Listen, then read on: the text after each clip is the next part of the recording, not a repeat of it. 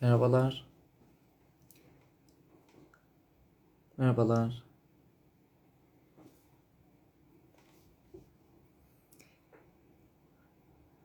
Herkese merhabalar.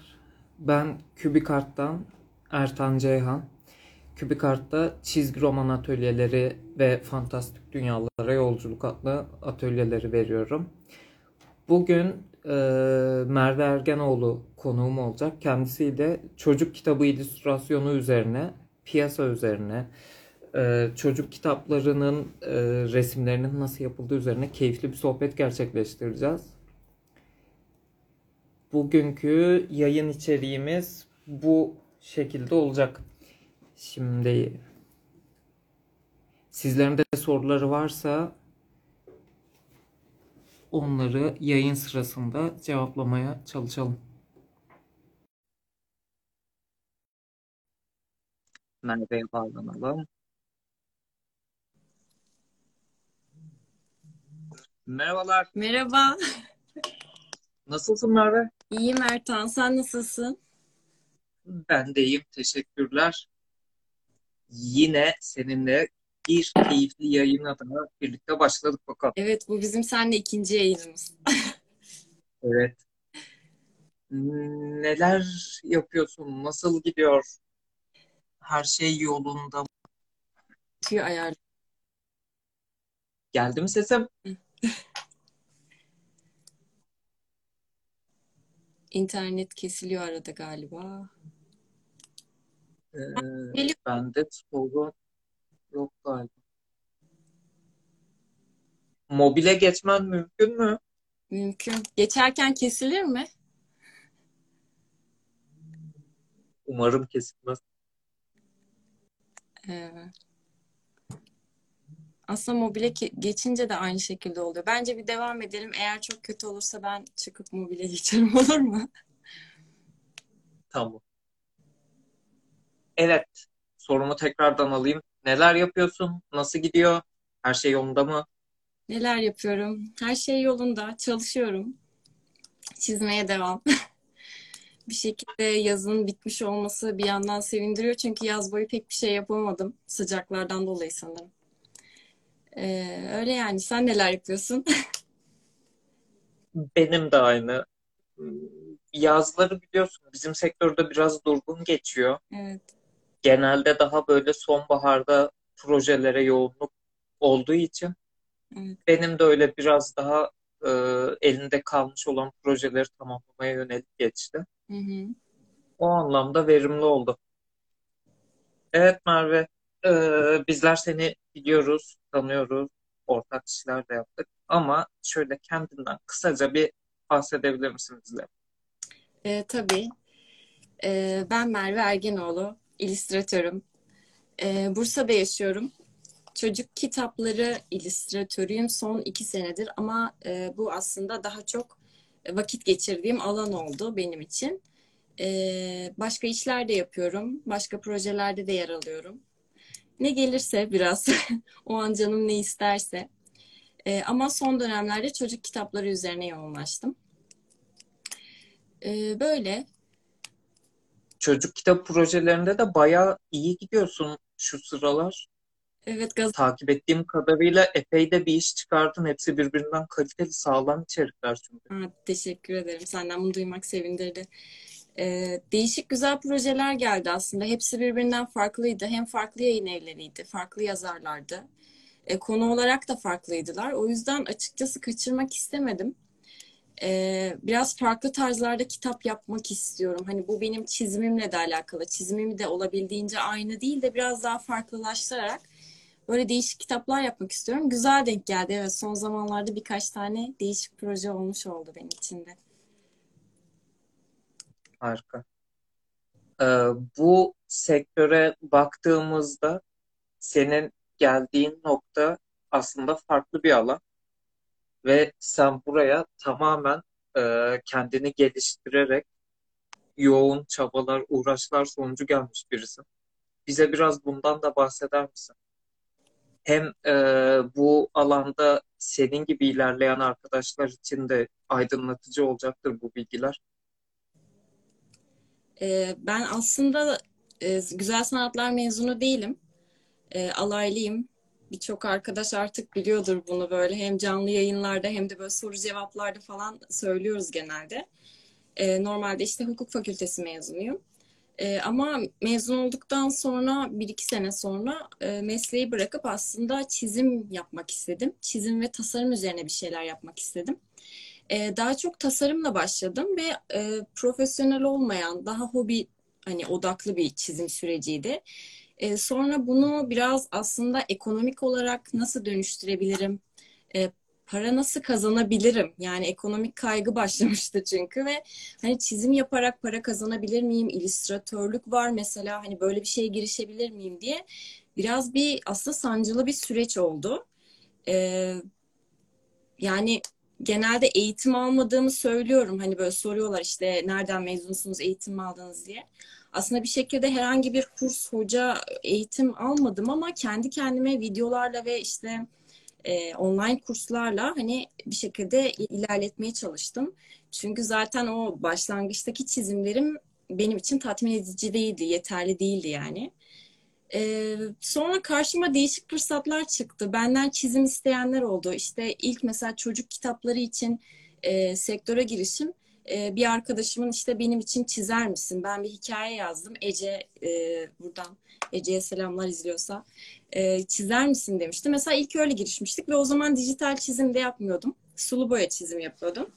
E, çok tatlı bir kitap yapmıştık. Gizemli Tepe diye. E, ondan sonra çok garip bir şekilde ben burada ilerleyeceğim galiba dedim. Çünkü hem biraz e, yap, yapmak istediğim şeyler bu doğrultudaydı. E, hem de şans biraz buradan geldi. Yani biraz buradan da iş teklifi almaya başladım. E, böyle bir süreç oldu yani benim için. Hem sancılı bir süreçti ama sonra bir giriş yapmış oldum bir şekilde. O e, bir işe başladığımız zaman yaşadığımız sıkıntılar genelde eğer katlanıp da böyle sonunu getirebilirsek hani iyi ki yaşamışız dediğimiz şeyler oluyor. Sağlam tecrübeler ediniliyor oradan. Evet yani bir senelik, bir senelik bir mesele değildi zaten. Yani hı hı. bir artık altıncı seneme falan giriyorum ben sanırım. Bir iki yıl bocalama dönemi oldu. işte öğrenme dönemi oldu. Ondan sonra da bir şeyleri yapıp e, değiştirme, işte nasıl acaba kendi tarzımı bulabilirim ya da ya bir, bir sürü kaygı oluyor tabii bu süreçte.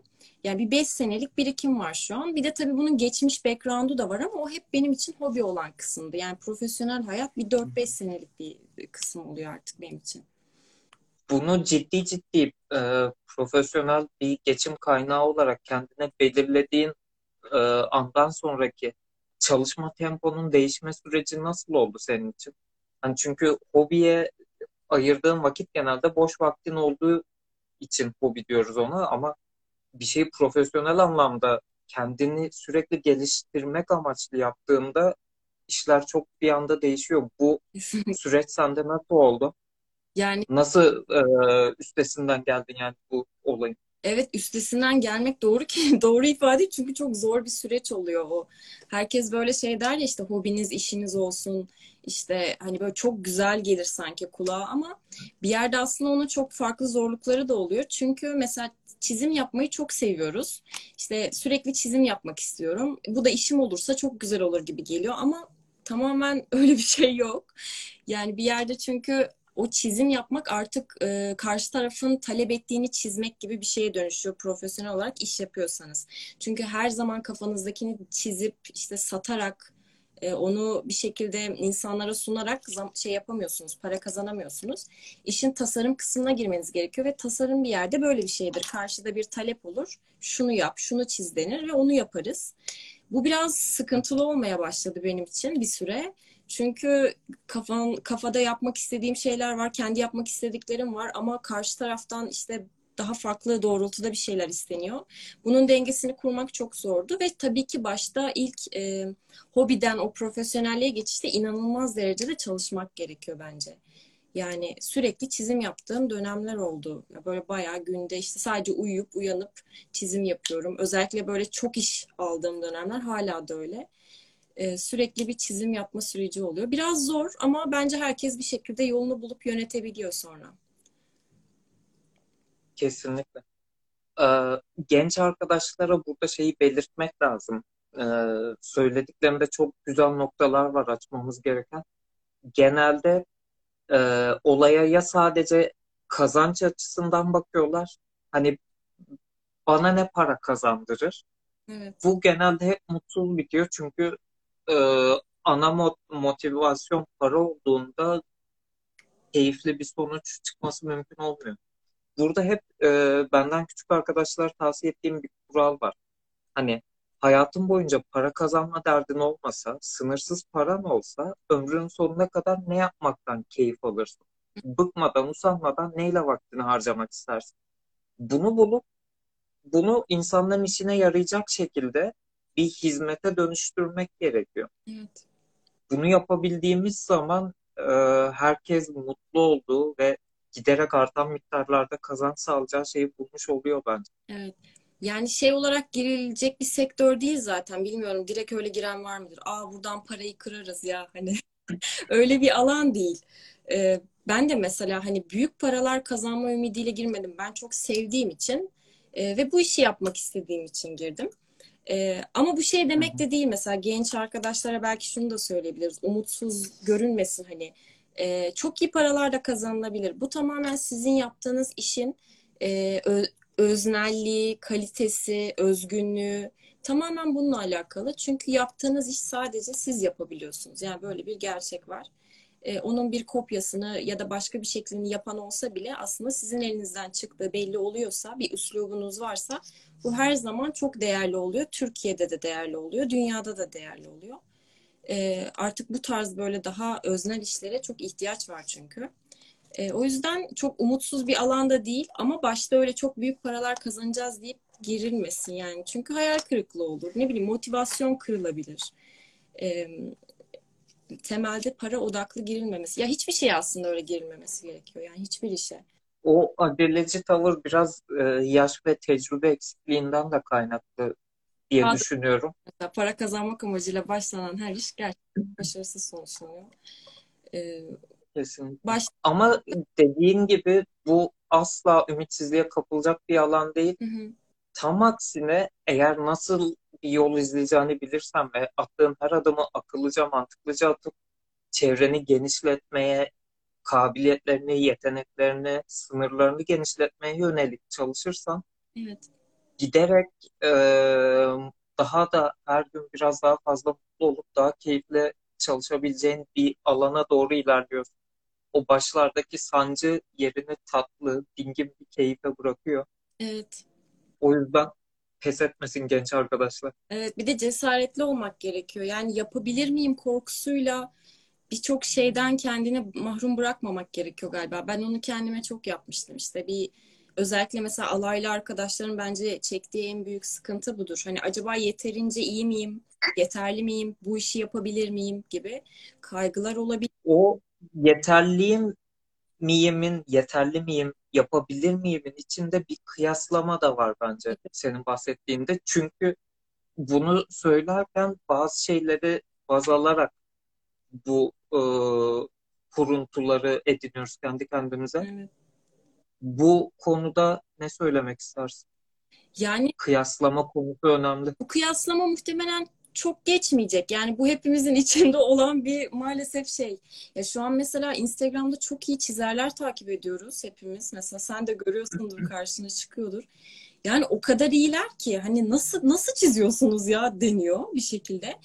Ee, belki sana ya da bana da böyle diyenler oluyor. Yeni başlayanlar için belki ben bir, bir tık daha o şekilde görünebilirim ama ben de mesela aynı kaygıyı yaşıyorum hala.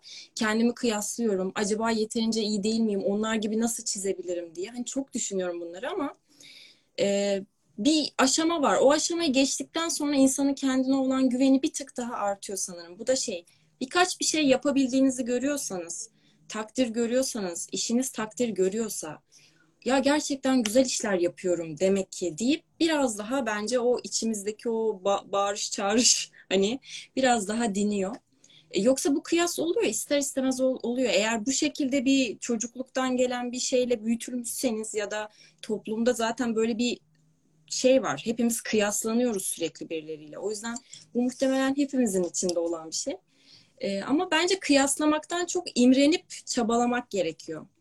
Yani örnek almak gerekiyor. Çünkü o insanlar öyle anadan doğma bir şekilde işte Aa, çiziyoruz biz değil. Evet yetenekleri vardır belki ama inanılmaz disiplinli çalıştıklarını birçoğunu görüyorum böyle orada burada röportajları denk geliyor bazen. E, herkes çok çalışmış. Yani iyi olan herkes gerçekten çok çalışıyor. O yüzden çalışmak, disiplinli çalışmak ve kendi yaptığınız işe saygınızın olması. Bence bunlar en önemli şeyler. Gerçekten. Evet. Ee, yaptığımız çalışmalara sürekli bunu yaptım. Evet. Hataları da var. Güzel yanları da var. Şimdi ben bunu daha iyi nasıl yapabilirim dediğimiz zaman o dediğin kafadaki e, kaotik sesler hakikaten biraz dinliyor ve hani önünde bir yol açılıyor ilerlemen gereken. Aslında hani başkalarının nasıl yaptığı değil, başkalarının nasıl becerdiği değil de biz kendi elimizdekini sürekli nasıl daha da iyi bir hale getirebiliriz odaklandığımızda çok daha rahat ve keyifli bir alan haline geliyor. Evet, katılıyorum. Şimdi sektörden bahsedelim mi biraz? Bahsedelim biraz, evet. Çocuk kitabı e, sektörü dışarıdan böyle çocuk kitabı illüstrasyonları e, bu işe yeni başlayan arkadaşlar için benim e, düzenlediğimiz etkinliklerde ve birebir görüştüğüm kişilerde şöyle bir yanılgıya şahit oluyorum. Hani o çizimlerin naifliğini ve sadeliğini gören bunu basitle karıştırabiliyor ya bir şeyin sadeliğini basite eşit evet. tutma hatasına düşebiliyoruz. Ee, bu da çok kolay yapılabilir. Ya en kötü ihtimal hani çocuk kitabı yaparım ne olacak hı hı. gibisinden de bir e, yanılgıya da düşürüyor insanı. Hı. Konular hakkında anlatacak güzel şeylerin vardır bence. Evet bence de vardır. yani şöyle gerçekten özellikle Türkiye'de galiba yani bilmiyorum dünyayı takip etmeye çalışıyorum. Mesela işte Hollanda'dan çok güzel kitaplar çıkıyor, İspanya'dan, e, İtalya'dan. Yani gerçekten çocuk edebiyatı konusunda inanılmaz eserler çıkıyor, çıkarıyorlar. Hem illüstrasyon yönünden hem de e, hikaye yönünden. Yani böyle şeyi çok merak ediyorum. Mesela Türkiye'de şey durum çok fazla. Çizerlerde de var gerçekten bu. İşte en kötü hani çocuk kitabı çizerim deyip kolay bir sanki alan olduğu düşünülüyor. Ya çizersiniz. Bunu çizecek yayın evi de bulursunuz. Yani sıkıntı yok. Paranızı da alırsınız. Yani siz böyle tatmin oluyorsanız evet ama o kitap dünya çapında bir kitap olmaz. Ya da gerçekten insanlar baktığında wow demez. Yani bu biraz aslında şeye bakmakla alakalı. Tam olarak ne yapmak istiyorsunuz? Mesela ben gerçekten e, illüstrasyon yapmak istiyorum. Yani illüstrasyon demek işte sadece çocuk gibi çizmek ya da çok temel işte orada ne bileyim kuru boya dokusuyla işte perspektifsiz öyle 3-5 hani sahne çizip ya bu değil hani bu tamamen aslında belli disiplinleri karıştırarak e, orada kafanızdaki şeyi farklı bir şekilde sunmakla alakalı. Ne kadar basit çizerseniz o kadar iyi. Evet ama basitlikle bu az önceki dediğin şey çok farklı şeyler. Yani minimallik çok başka bir şey. Oradaki o işte tasarım dili, oradaki illüstrasyon çok başka bir şey. Yoksa böyle aslında işte e, yeni yetme bir çizerin işte eline alıp hemen bir şeyler çizmesi de zaten bence anlaşılıyor ya. Yani bir şekilde anlaşılıyor gerçekten. O yüzden çok şey kitaplar çıkıyor bence. Vasat kitaplar çıkıyor ve bu da hoş olmuyor. Yani ben mesela çocuğuma gidip almam. Bilmiyorum öyle bir kitabı almam diye düşünüyorum. Orada çünkü belli bir tasarım e, görmek istiyorsunuz ya da bir nasıl diyeyim estetik bir şeyler görmek istiyorsunuz. Bu aynı şey bu arada hikaye için de geçerli. Yani hikayeler de mesela işte en kötü çocuk hikayesi yazarım diyen yazar kitlesi de var. Aynı bizim çizer grubu gibi. Kesinlikle öyle değil. Hatta bence çocuk edebiyatı çok daha zor bir alan. Çok daha zaten e, nasıl diyeyim şey bir alan. Böyle herkesin el atmaması gereken. E, çünkü belli kavramlar var, pedagojik tarafı var. E, orada yani bir şekilde küçücük insanlara, küçücük beyinlere şey yapıyorsunuz. Bir şeyleri sokuyorsunuz aslında ve bunların iyi şeyler olması gerekiyor. O yüzden e, değişik bir sektör ya. Yani ben çok bir şey söyleyemem çünkü çok daha yeni olduğumu düşünüyorum. 4-5 senelik bu alandayım. Ama gördüğüm kadarıyla seninle aynı noktada buluşuyorum yani dediğin şeyler çok fazla var. Özellikle çizer takımında E, bence o çizerler de kendilerini geliştirmeliler. Biraz böyle işte o dünyadaki örneklere bakmalılar. Neler yapılıyor. Bu arada Türkiye'de de var çok iyi çizerler çocuk edebiyatında. Ama bence sayılı yani. Çok var, çizer çok var ama gerçekten güzel iş çıkaran çok sayılı çizer var. Maalesef bu e, ciddi bir sıkıntıdır bana kalırsa. Çünkü bu kadar fazla güzel sanatlar fakültesinin olduğu, bu kadar fazla güzel sanatlar e, mezunu olan bir ülkede hani e, internet ortamında çok fazla çizimle uğraşan kişi var. Sektöre girmek isteyen çok fazla kişi var. Evet. Ama dediğin gibi hani bu kaliteli işlerin yani rafine bir gözün baktığı zaman anlayabileceği ve ayırt edebileceği kalitede sayılı işler olması biraz üzücü. Hani bizden gerçekten çok daha fazlasının çıkması mümkün. Evet. Ama e, bazı şeylerde bilmiyorum biraz yanlış düşünüp yanlış e, eylemlerde bulunuyoruz gibi. Daha kolaycı, daha kısa yoldan Evet. e, nasıl diyeyim çocuk kitabı sektörü özellikle vicdan sahibi insanların özellikle e, daha e, tedirgin girmesi gereken bir alan bana kalırsa. Senin dediğin gibi çok ciddi bir sorumluluğu var üzerinde çünkü bunun. Orada e, yanlış yansıttığın bir şeyin genç beyinleri etkileme olayı var ve bu çok ciddi kontrollerden geçmesi gereken bir şey. Sadece çizer ve yazar kısmı değil, basım kısmında da ciddi kontrol gereken bir alan. Yani ed- Umarım e- kesinlikle mesela editoryal kısımda da zaten iyi bir editör yetiştiği zaman yani piyasada iyi editörler olduğu zaman e, yazar ve çizer konusunda güzel bir ayıklama yapıyorlar diye düşünüyorum. Yani herkesin kitabı basılmıyor ya da işte e, bu şeyde de çok önemlidir ya elinizde bir proje vardır. Mesela çok soruluyor bu soru. Yeri gelmişken onu da söyleyelim. Bir yazar bir şey yazmış çocuk kitabı. Çizer misin diye çizerlere gelir. Yani bu çok fikstir. Her çizerin senede bir defa başına gelir mutlaka. Kitap kapı kapı gezme olayı. ya kapı kapı gezerler belki de çizer çizer gezerler. Yani mesela bu çok doğru bir yöntem değildir. Çünkü sizin yazdığınız yazıya uygun çizgiyi bir editörün belki de seçmesi daha uygun olabilir. Tabii ki yazarın fikri alınır. Ben bu şu şu şu çizerlerin çizgilerini çok beğeniyorum der belki bir şey sunar ama editörler mesela burada çok önemlidir. Yani hangi tarz hikaye, hangi tarz çizgi gider? Ee, yani her illüstratörün çünkü çizimi her tarza uyarlanamayabilir. Özellikle tek bir tarzda çalışıyorsanız. E, o yüzden bence kaliteli editörler özellikle bazı yayın evleri var. Gerçekten çok başarılı editör, editörleri var ve e, onlarla çalışırken de hissediyorsunuz. Yani diyorsunuz ki gerçekten işi biliyormuş. Hani çünkü şeyden anlıyorsunuz. E, olayın gidişatı, size bakış açısı, size müdahale edişi. Yani her şeyinize müdahale etmiyor. Ama müdahale ettiği yerde de aa evet haklı diyebiliyorsunuz. O yüzden aslında bu üç ayaklı durum var işte yazar, çizer ve yayın evi dediğimiz. Üçünün de bir şekilde ortak birlikte hareket etmesiyle çok güzel şeyler ortaya çıkabilir.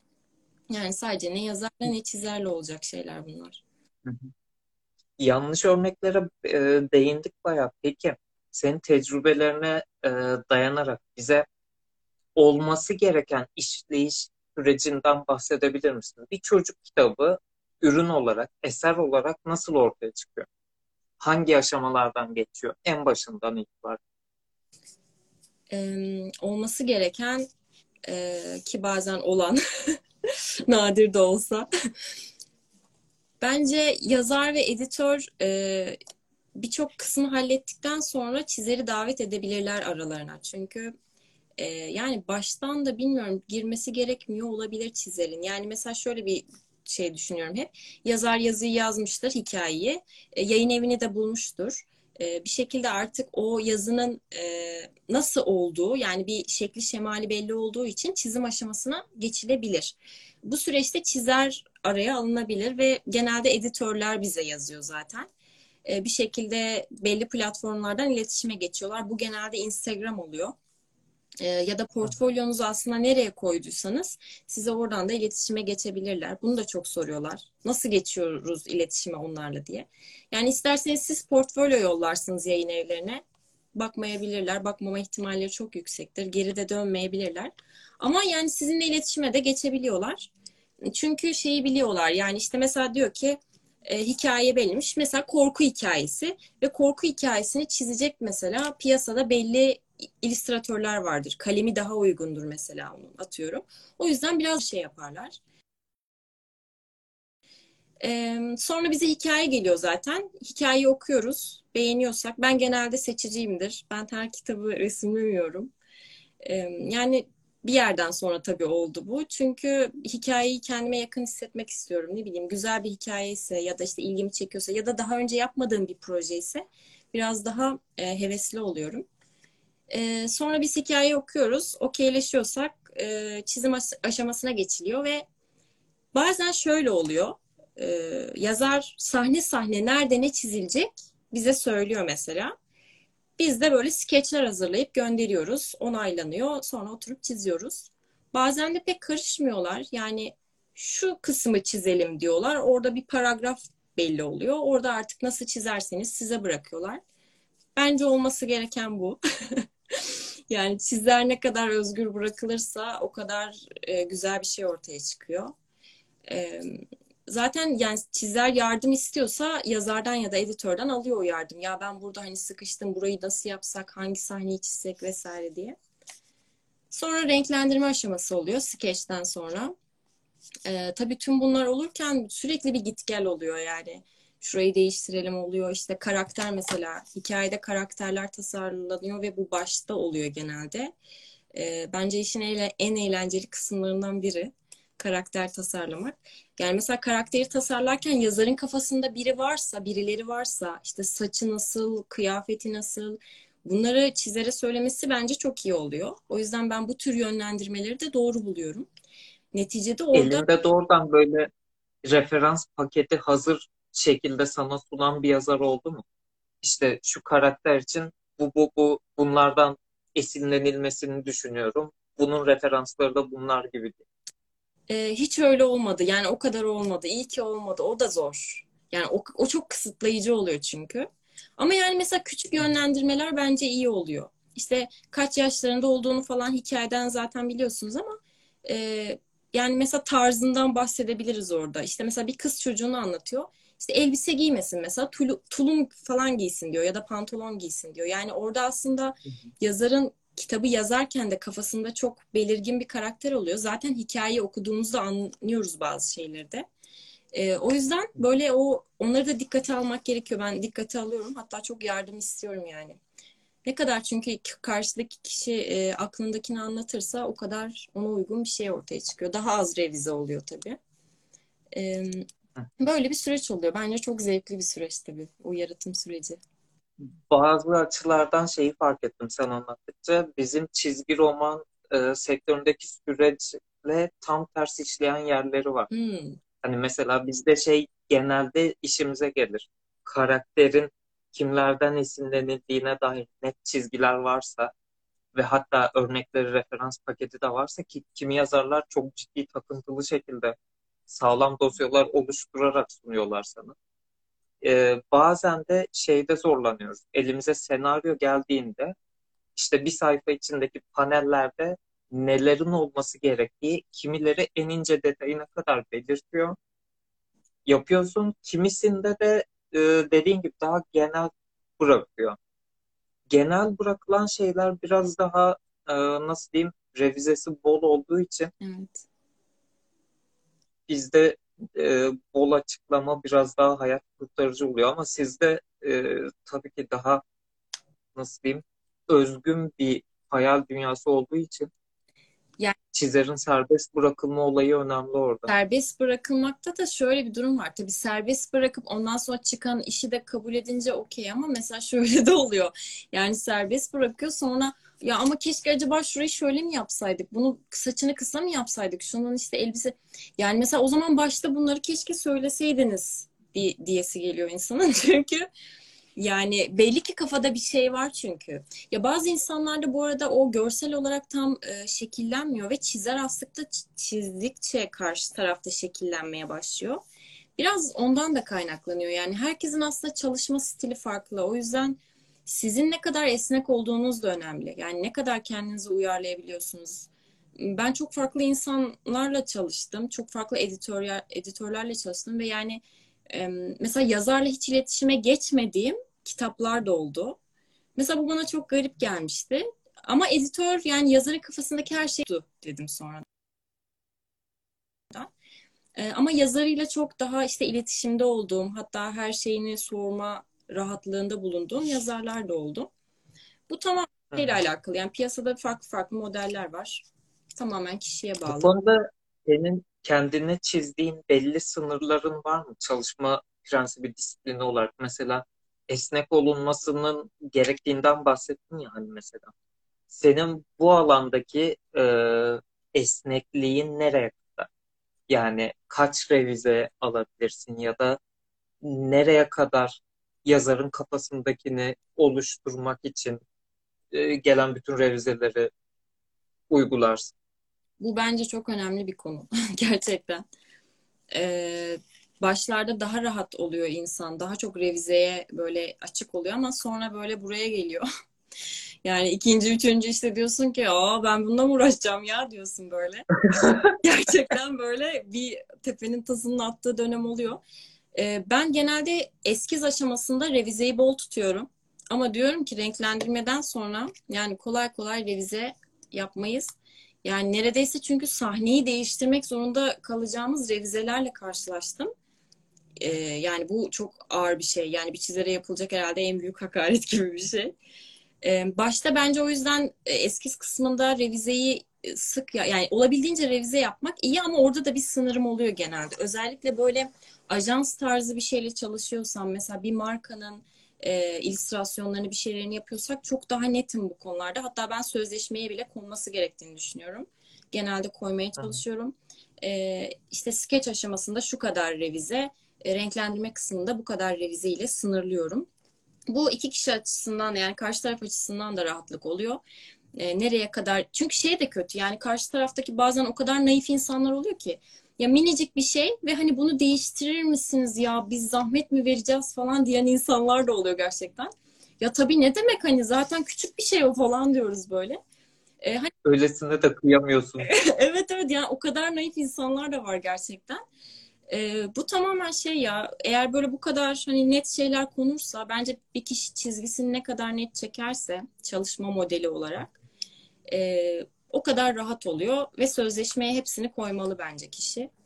Sözleşme sonuçta güvenceniz oluyor. Ee, karşı taraf da daha ciddi yaklaşıyor duruma.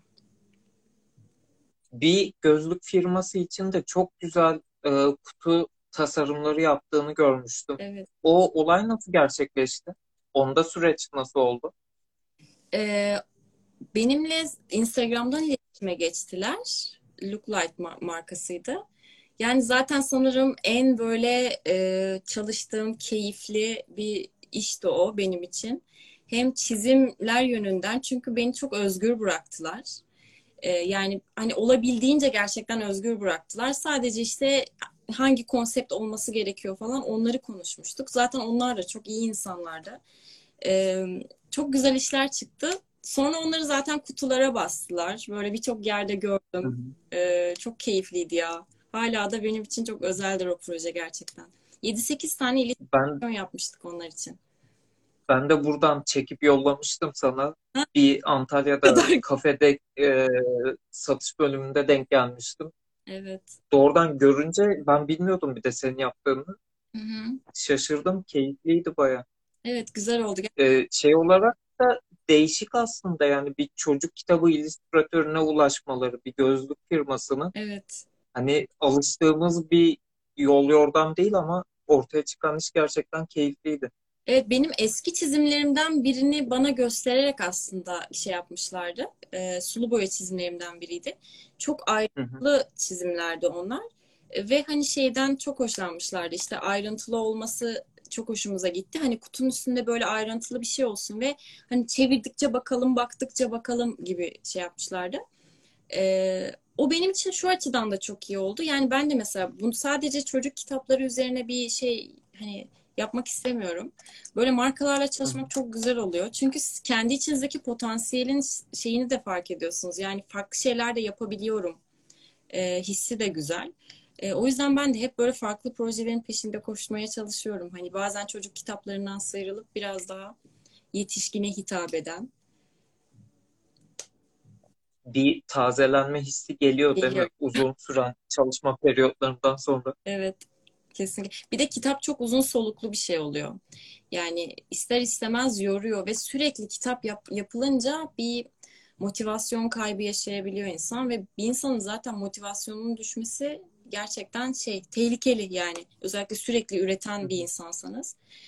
Ee, mola verme şansım varsa mola veriyorum. Hani çizmediğim dönemler oluyor. Ama araya böyle işte farklı işler alınca biraz böyle silkeleniyorum. Çünkü daha çabuk sonuçlarını alabiliyorum.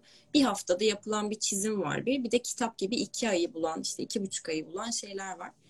Kitap da hemen yapılınca basılan bir şey değil. Bazen bir kitap yapıyoruz 8-9 ay sonra basılıyor. İnsan yaptığı şeyin o hani fiziki olarak eline almak istediği durumlar da oluyor. Kitabın bu arada en güzel tarafı o. Hala basılabilen bir kitap olduğu için e, sektörde e, dijital bir kitaba geçmediğim sürece sanırım bunu da bir süre daha yaşayacağız böyle bu tadı. Onun tatmini bambaşka değil mi? Ee, bizler gibi dijital e, ortamda üreten kişiler için özellikle yaptığın şeyi elle tutulur bir malzeme üzerinde görmek e, onun verdiği keyif gerçekten bambaşka oluyor. Kesinlikle. Bu iki ay gibi bir süreçten bahsetmişken senin bir kitap projesine başlayıp bitirmeye doğru işte bu aradaki süreç nasıl ilerliyor? E, teması kuruyorsun yayın eviyle. Evet. E, Onlar seninle temas kuruyor. evet bir şekilde önce iletişime geçiyoruz. E, Hı sonra ben hikayeyi okuyorum. E, hikayeden sonra e, artık direkt çizim aşamasına geçiyoruz. Onaylıyorsam ben de evet yapmak istiyorum diyorsam. E, çizim aşamasına geçmeden önce aslında önce sözleşme yapmaya çalışıyorum. E, genelde sözleşmeyi sona bırakıyor yayın evleri. Neden bilmiyorum. Türkiye'de firmaların buna bakış açısı nasıl sözleşmeye? Yani ben biliyorum tabii de yine de söyleyelim. Yani sözleşme isteyince böyle bir anda herkes şey oluyor. Ah şimdi bir dakika niye ki falan. Şey, yayın ne gerek vardı böyle şeylere falan. Hani biz arkadaştık diye. Aynen hani Böyle bir sırtından bıçaklanmış ifadesi, e, ambiyansı oluşuyor değil mi bir anda? ya İhanet etmişçesine böyle bir şok oluyorlar ya. kesinlikle yani şey oluyor hatta yani e, tamam zaten yapacağız sözleşme de niye şimdi der gibi bir durum oluyor. Halbuki yani zaten eskize başlamadan sözleşme yapılmalı ki ben belki eskizde bile zaten e, işte mesela en bas- basitinden revize sınırı koyacağım ve bunu sözleşmeye koymak istiyorum. E, Zaten çok makbul bir sözleşme oluyor herkesin önüne sürülen ama bence onların onun mutlaka e, uyarlanması gerekiyor. Yani elinize mesela sözleşmeyi aldığınızda illaki kendinize uyarlamanız gerekiyor. Orada içinize sinmeyen şeyler olabilir. Bunları söylemeniz gerekiyor. Kabul etsinler ya da etmesinler olabildiğince mücadele etmek gerekiyor bence. Biraz hukuk eğitimi aldığım için biraz benim kafam işte hep o doğrultuda, o mantalitede ilerliyor. Ee, o yüzden bana çok absürt geliyor yani piyasada insanların sözleşmeyi söylediğimde yani küfretmişim gibi hani böyle bir yükselmeleri. Bu arada yükselen yayın evleri de oldu yani sanki çok haksızmışım gibi böyle bir muamele de gördüm. Çok garipti. Ee, o yüzden ben olabildiğince buna dikkat ediyorum. Bence etmeliyiz ya bu arada bütün çizerlerin üzerine düşen bir sorumluluk bu. Çünkü yani kendi hakkınızı koruyamazsanız e, bizi koruyan bir meslek hani örgütü olmadığı için e, aslında bir şekilde kendi hakkımızı korumak zorunda kalıyoruz. Ve eğer işte herkes kendi hakkını korursa ya da ben bir şekilde duyduğumda başka bir çizere destek olursam, onun hakkını da korumaya çalışırsam, bir birlik olursak böyle muamelelerle karşılaşmayız yani. Bu kadar zor bir şey olmamalı hani sözleşme. Türkiye'de bu alanda illüstratörler platformu var bildiğim kadarıyla. Nurgül Şenefe'ydi galiba değil mi? Kurucusu. E, ismini ben bir Yanlış hatırlamıyorsam. orada böyle Nurgül Hanım bayağı bir çaba harcadı bu konularda. Yurt dışından işte telif konularında uzman kişilerle çalıştaylar falan düzenledi diye biliyorum. evet Bu alanda da bir şeyler oluyor. Evet Ee, benim gördüğüm en büyük sıkıntı şeyden kaynaklı. Piyasaya yeni gir- girmeye çabalayan arkadaşların hani olabildiğince böyle taviz vererek işi kapma çabası biraz e, kendi geleceklerini baltalıyor ciddi anlamda. Evet. Senin dediğin şekilde taviz vermeden e, kendi haklarımızı direterek yeri geldiğinde savunmamız ve talep etmemiz gerekiyor ki düzgün bir iş ortamı oluşsun, düzgün bir iş geleceğimiz olsun bizden. Evet, yani piyasaya yeni giren bir işi, e, bir kişiye hani zaten bu sorumluluğu hemen yüklememek gerekiyor. Bir, bilmiyor olabilir. İki, para kaygısı var. Kendi ismini duyurma kaygısı var. Şimdi o insana kalkıp da işte şöyle yap, böyle yap diyemezsiniz. Ama bence e, bir şekilde eğer e, ismini duyuruyorsa ve e, iş yapabiliyorsa, iş reddetme lüksü varsa ya da karşı taraf mesela ısrarla e, o çizerin çizmesini istiyordur. Yani burada biraz işte çizere söz hakkı veriliyor. Bence burada işte biraz mücadeleye girmek gerekiyor. Yani benim gerçekten e, sözleşmede anlaşamadığım ve kaybettiğim işler oldu. Hani üzüldüm mü? Üzüldüm. Güzel projelerde ama bir çizerin önüne konulan hani o sözleşme 1990 yılından kalma bir sözleşmesi. Yani ayıp. gerçekten ayıp. Yani hakaret gibi böyle gerçekten ne telif zaten telif hak getiri hani ülkenin kanayan yarası. Ee, başka mevzular da. Türkiye'de maalesef evet telif diye bir şey yok zaten. Kesinlikle ve hala veriyoruz mesela. Israrla bunu söylememize rağmen çocuk kitabı yapıyoruz. Yazarla gayet aslında aynı emek sarf ediliyor. Özellikle 3-6 yaş grubundan bahsedersek okul öncesi. Hala mesela çizerin adını küçük puntoyla yazan yayın evleri var. Ya benim de bir, bir, bir, birkaç kitabımda var yani o. Böyle bir rahatsız oluyorsun böyle bir aslında bu konunun başta konuşulması gerekiyordu diyorsun. Mesela bu bir tecrübe oluyor ve ondan sonra bunu sözleşmeye bile koyabilirsiniz. Yani yazarla aynı puntoda benim ismim kapakta yazılacak diye yani. Çünkü bu bu önemli bir mesele birçok arkadaşımın adını kitabı evirip çevirip üstünde aradığım oldu benim gerçekten. Evet. Hani iç kapakta ufacık görüyorsun falan. Benim de başıma gelmiş bir olaydır o. İşte. Yok ya benim de ilk yaptığım kitapta yoktu kapakta adım yani. Böyle şok oldum. Nasıl ya dedim. Ya bunu ve o zaman o kadar özgüven yok ki hani böyle ilk kitap. Zaten böyle işte bir türlü bir, yani bir sürü şey mesele var orada tamam ya böyle olsun bari falan gibi bir muhabbet oluyor. Yani ama sonra insan tabii bir kere oluyor yani. Bir kere olur o. Öyle şeyler bir kere olur. İkinci de cazgırlık yapmak zorunda kalıyorsunuz yani bir şekilde. Ee, bilmiyorum yani mücadele etmek gerekiyor. Her sektörde olduğu gibi burada da zorluklar var. Ee, ve kesinlikle sizin kendi hakkınızı korumaktan başka şeyiniz yok. Yani herkes kendi hakkını korumak zorunda gerçekten. Bu arada ben bir illüstratörüm şeyini ben de çok seviyorum. Ee, orada mesela gerçekten e, sıkıntı yaşayan ya da aklında bir soru olan hep piyasayla ilgili e, mail atıyorlar ve bil- İkisi ayrı hesaplar galiba. İllüstratörler platformu ve ben bir illüstratörün ha, evet. aynı oluşum değil diye biliyorum ama. Evet evet. Sen ben şeyi mi demiştin? İllüstratörler platformunu mu demiştin? Aynen. Evet. Nurgül Hanım'ın kurduğu o. Diğeri de başka piyasadan bir arkadaşımız sanırım. Evet diğer dediğin gibi İlis... sıkıntı yaşamış bir sürü kişiye böyle çare arayan, kovalayan birisi o da. Evet yani bir şekilde mesela avukatlara soruyorlar işte ya da işte piyasada Hı-hı. bir şekilde iş yapan insanlar e, yardımcı olmaya çalışıyor. Biraz daha aslında iyi oluyor. Özellikle yeni başlayanlar için yol gösterici oluyor bence. Ya tabii ki uygulayıp uygulamamak sonra size kalmış hani. Bir şekilde ama öğrenmek gerekiyor bazı şeyleri diye düşünüyorum. Senin e, çalıştığın sektörde yurt dışında sanat, yabancı sanatçılardan böyle kendine gerçekten ilham seni besleyen örnekler mutlaka vardır.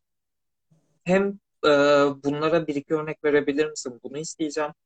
Hem de bu sektördeki hayalin ne? Şu an çok güzel, birbirinden harika işlere imza attın bile daha bu yaşta ve bu kadar kısa bir süredir sektörde olmana rağmen 5-6 yıllık bir süre içinde çok sağlam işler yaptın.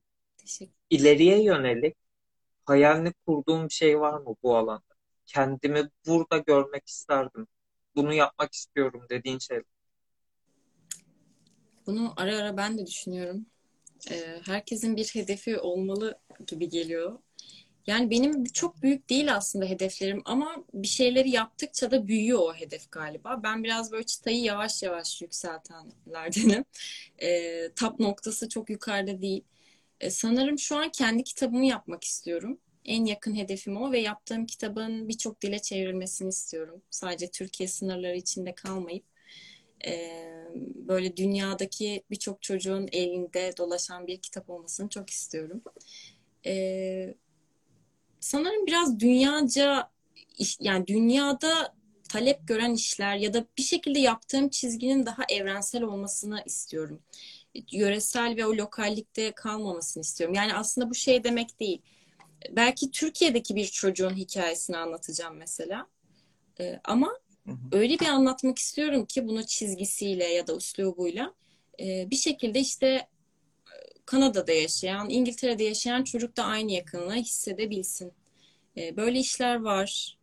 Dünyada gerçekten çok başarılı çizerler var bu konuda. Şantan mesela benim şeyimdir. Değişmedi yani. gerçekten. Kesinlikle benim de. çok başarılı. Yani hatta işte geçenler... Bu dünyadan değil gibi değil mi? Evet değil gibi. Gerçekten değil gibi. Çok onun şey bir tarafı da var tabii böyle nasıl diyeyim biraz dramatik böyle dram kokan hikayelerinde şeyler de var. Sanırım o yüzden de ilgimi çekiyor. Hoşuma gidiyor yani. Böyle hüzünlü tarafları da hep gösteriyor hikayelerdeki. E, çok farklı tarzlarda çizim yapıyor. Mesela bu çok çok zor bir şey bence birçok çizer için. Çünkü güvenli bölgedir çizerin kendi tarzında çizmesi. E, genelde o güvenli bölgeden çok çıkmak istemeyiz. Yani ben de mesela bazen çizgimi zorlayacak ya da değiştirmem gereken projeler geldiğinde alsam mı almasam mı falan diye böyle bir düşünürüm. E, ama gerçekten eğer farklı tarzlarda çizmek istiyorsak mesela bu tarz projeleri bence almalıyız. Şantuan hem yazar hem çizer. E, kendi hikayelerini... Heykel de yapıyor galiba değil mi? Efendim?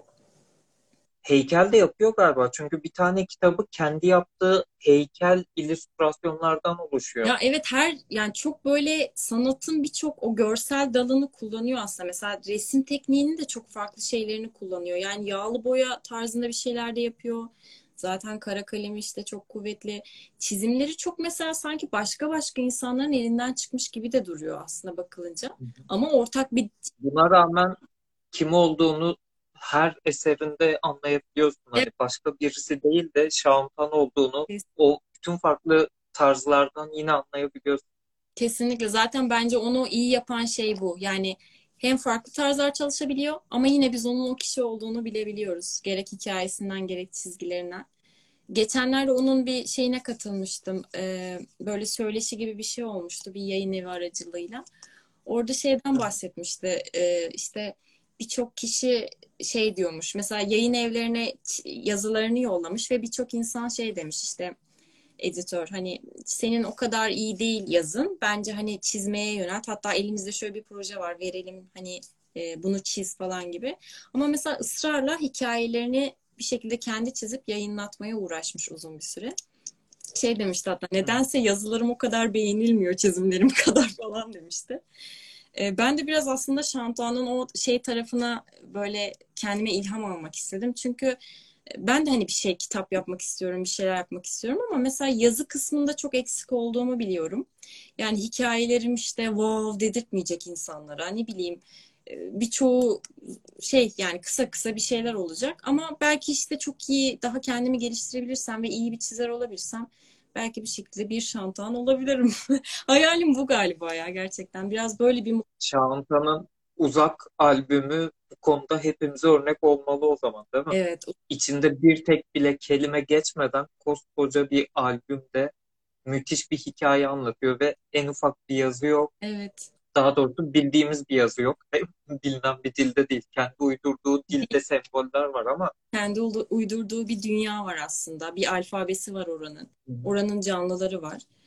Ee, böyle şeyler yapmak çok istiyorum ben de. Bakalım. Ee, biraz tecrübelenmek gerekiyor. Biraz da oturup kafa yormak gerekiyor. Sadece öyle çalışarak da olmuyor. Biraz dolmak gerekiyor bunun için. Yani taşmak için hakikaten dolmak gerekiyor. Zaman var sanırım daha dolmak demişken şey de sorayım. Ee, seni besleyen şeyler ne bu hayatta? Zihnini, görselliğini, fikirlerini neyle besliyorsun kendini? Ee, yani hayattaki her şey besliyor aslında düşününce. Algıların açık olmasıyla alakalı. Algıları açtığınız sürece yani tavana bakarak bile o anki bir şekilde şey yapabilirsiniz gibi geliyor. Hı hı. Ee, doğa tabii ki çok besliyor. Yani doğa bence birçok insana ilham oluyordur. Ee, sinema, e, müzik, yani mesela müzik dinlemek gerçekten çok besliyor o konuda. Sinema çok besliyor. Ben sinema, fotoğraf ve resimin, çizimin e, çok böyle birbiriyle ilişkili olduğunu düşünüyorum zaten. Bir tek ben düşünmüyorumdur bunu da yani. Ben en azından bu konuda çok ilham alıyorum. Ya sinemalardaki işte kullanılan sahneler, oradaki renk bilgileri, ışık, gölge oyunları, perspektifler e, bunları aslında çizimde de uyarlayabilirsiniz. Genelde benzer kurallar geçerlidir. En basitinden hepsinde üçte bir kuralı vardır. Fotoğrafta da vardır, işte sinemada da vardır, çizerken de vardır. E, fotoğraf da aynı şekilde çok besliyor. Olabildiğince fotoğraf çekmeye çalış. Makineyle ya da telefonla çekmesem bile görsel olarak bunu onu beynime kaydetmeye çalışıyorum. Çünkü çizerken çok ihtiyacım oluyor e, kendi referanslarımı yaratmaya çalışıyorum bir yerde. Pinterest'ten bulunan referanslarla değil de hani kendi oluşturduğum referanslarla biraz daha çizim yapmaya çalışıyorum. E, kitap okumak da tabii ki bir şekilde etkiliyor. Yani çocuk kitabı okumak beni çok fazla şey yapıyor, motive ediyor ve geliştiriyor. Hatta son dönemlerde yani bu pandemi döneminde herhalde çocuk kitabı okumaktan dolayı iyice böyle şey oldum. Hani yetişkin kitabı okuyamaz oldum. Çok farklı bir şeyi var çünkü tadı var. Ee, böyle yani birçok şey besliyor aslında. Çok güzel. Müthiş, keyifli bir sohbet oldu, verimli bir sohbet oldu. Benim için de öyle. Yayınımızı kapatmadan önce e, genç arkadaşlara bu yolda ilerlemek isteyen arkadaşlara tavsiyelerin ve aman abi buna dikkat edin, bunu gördüğünüz mü arkanıza bakmadan kaçın diyeceğin uyarıların, önerilerin var mı? Ee, bence herkes çok çalışsın ya. Yani böyle çok uzun uzun bir şey söyleyecek bir şey bulamıyorum. Yani herkes günde bilmiyorum 5 saat mi 8 saat mi oturup çizmemiz gerekiyor. Başka yolla gelişmiyor bu tür şeyler. Ee, motivasyonlarını kaybetmesinler. Kendilerini kıyaslamasınlar. Sohbetin başında da o konuştuğumuz şey gerçekten önemli. Hı hı. Kıyas çünkü insanı içten içe çürüten bir şey olur. Ee, çalışmak e, ve bence biraz da şey de önemli. Hmm, o kendi tarzınızda yani tarz demeyeyim de yani bir şekilde çizerlerle olabildiğince içli dışlı olmaya çalışın. Instagram'dan takip edin, e, işlerine onların mutlaka geri dönüşler yapın, sorular sorun. Yani ben mesela olabildiğince bana soru soran arkadaşlara olabildiğince cevap vermeye çalışıyorum. Gerek işte bazen dijital çizim konusunda soruyorlar. Ee, bazen geleneksel çizim konusunda. Çünkü ben de öyle bir dönemden geçtim ve ben çok çekingendim. Hiç soramamıştım. O yüzden bence sorsunlar, çalışsınlar. Ee, hiç çekinmesinler bu konuda ve mutlaka yaptıklarını bir şekilde belli platformlarda paylaşsınlar. Bu hem onları çok motive edecek hmm, hem de bir şekilde eğer para kazanmak istiyorlarsa sektöre de ufaktan girmiş olacaklar. Portfolyo yaratmak bir günde olmuyor çünkü. Zamanla yaptıkça bir yerde biriktiriyorsunuz. Ee, böyle. Neyden kaçsınlar? Hmm. İçlerinden gelen o yani bazen şey ses vardır ya yani sen işte yapamayacaksın galiba ya. Yok ya olmuyor. Senden o çıkmaz. Senden sen yapamazsın gibi. O içinizden gelen şey olursa ondan kaçın. O o sizin sesiniz değil. Çok güzel. Çok teşekkür ediyorum Merve. Ne demek? Ben teşekkür ederim. Bize zaman ayırdığın için, güzel tecrübelerini bizlerle paylaştığın için. Ben te- Harika çalışmaların var. Her zaman takdir ediyorum biliyorsun. Evet. Lütfen böyle güzel çalışmalar ortaya koymaya devam edin.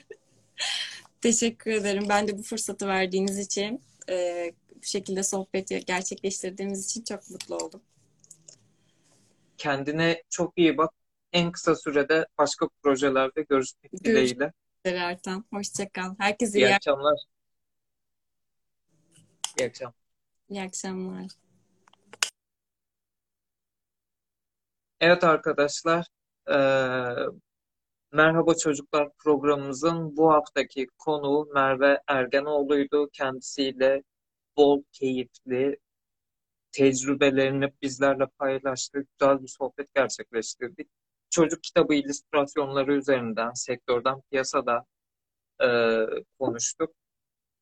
Bir sonraki hafta Perşembe akşam 10'da eee, başka konuklarımızla kaldığımız yerden devam edeceğiz. Kendinize iyi bakın.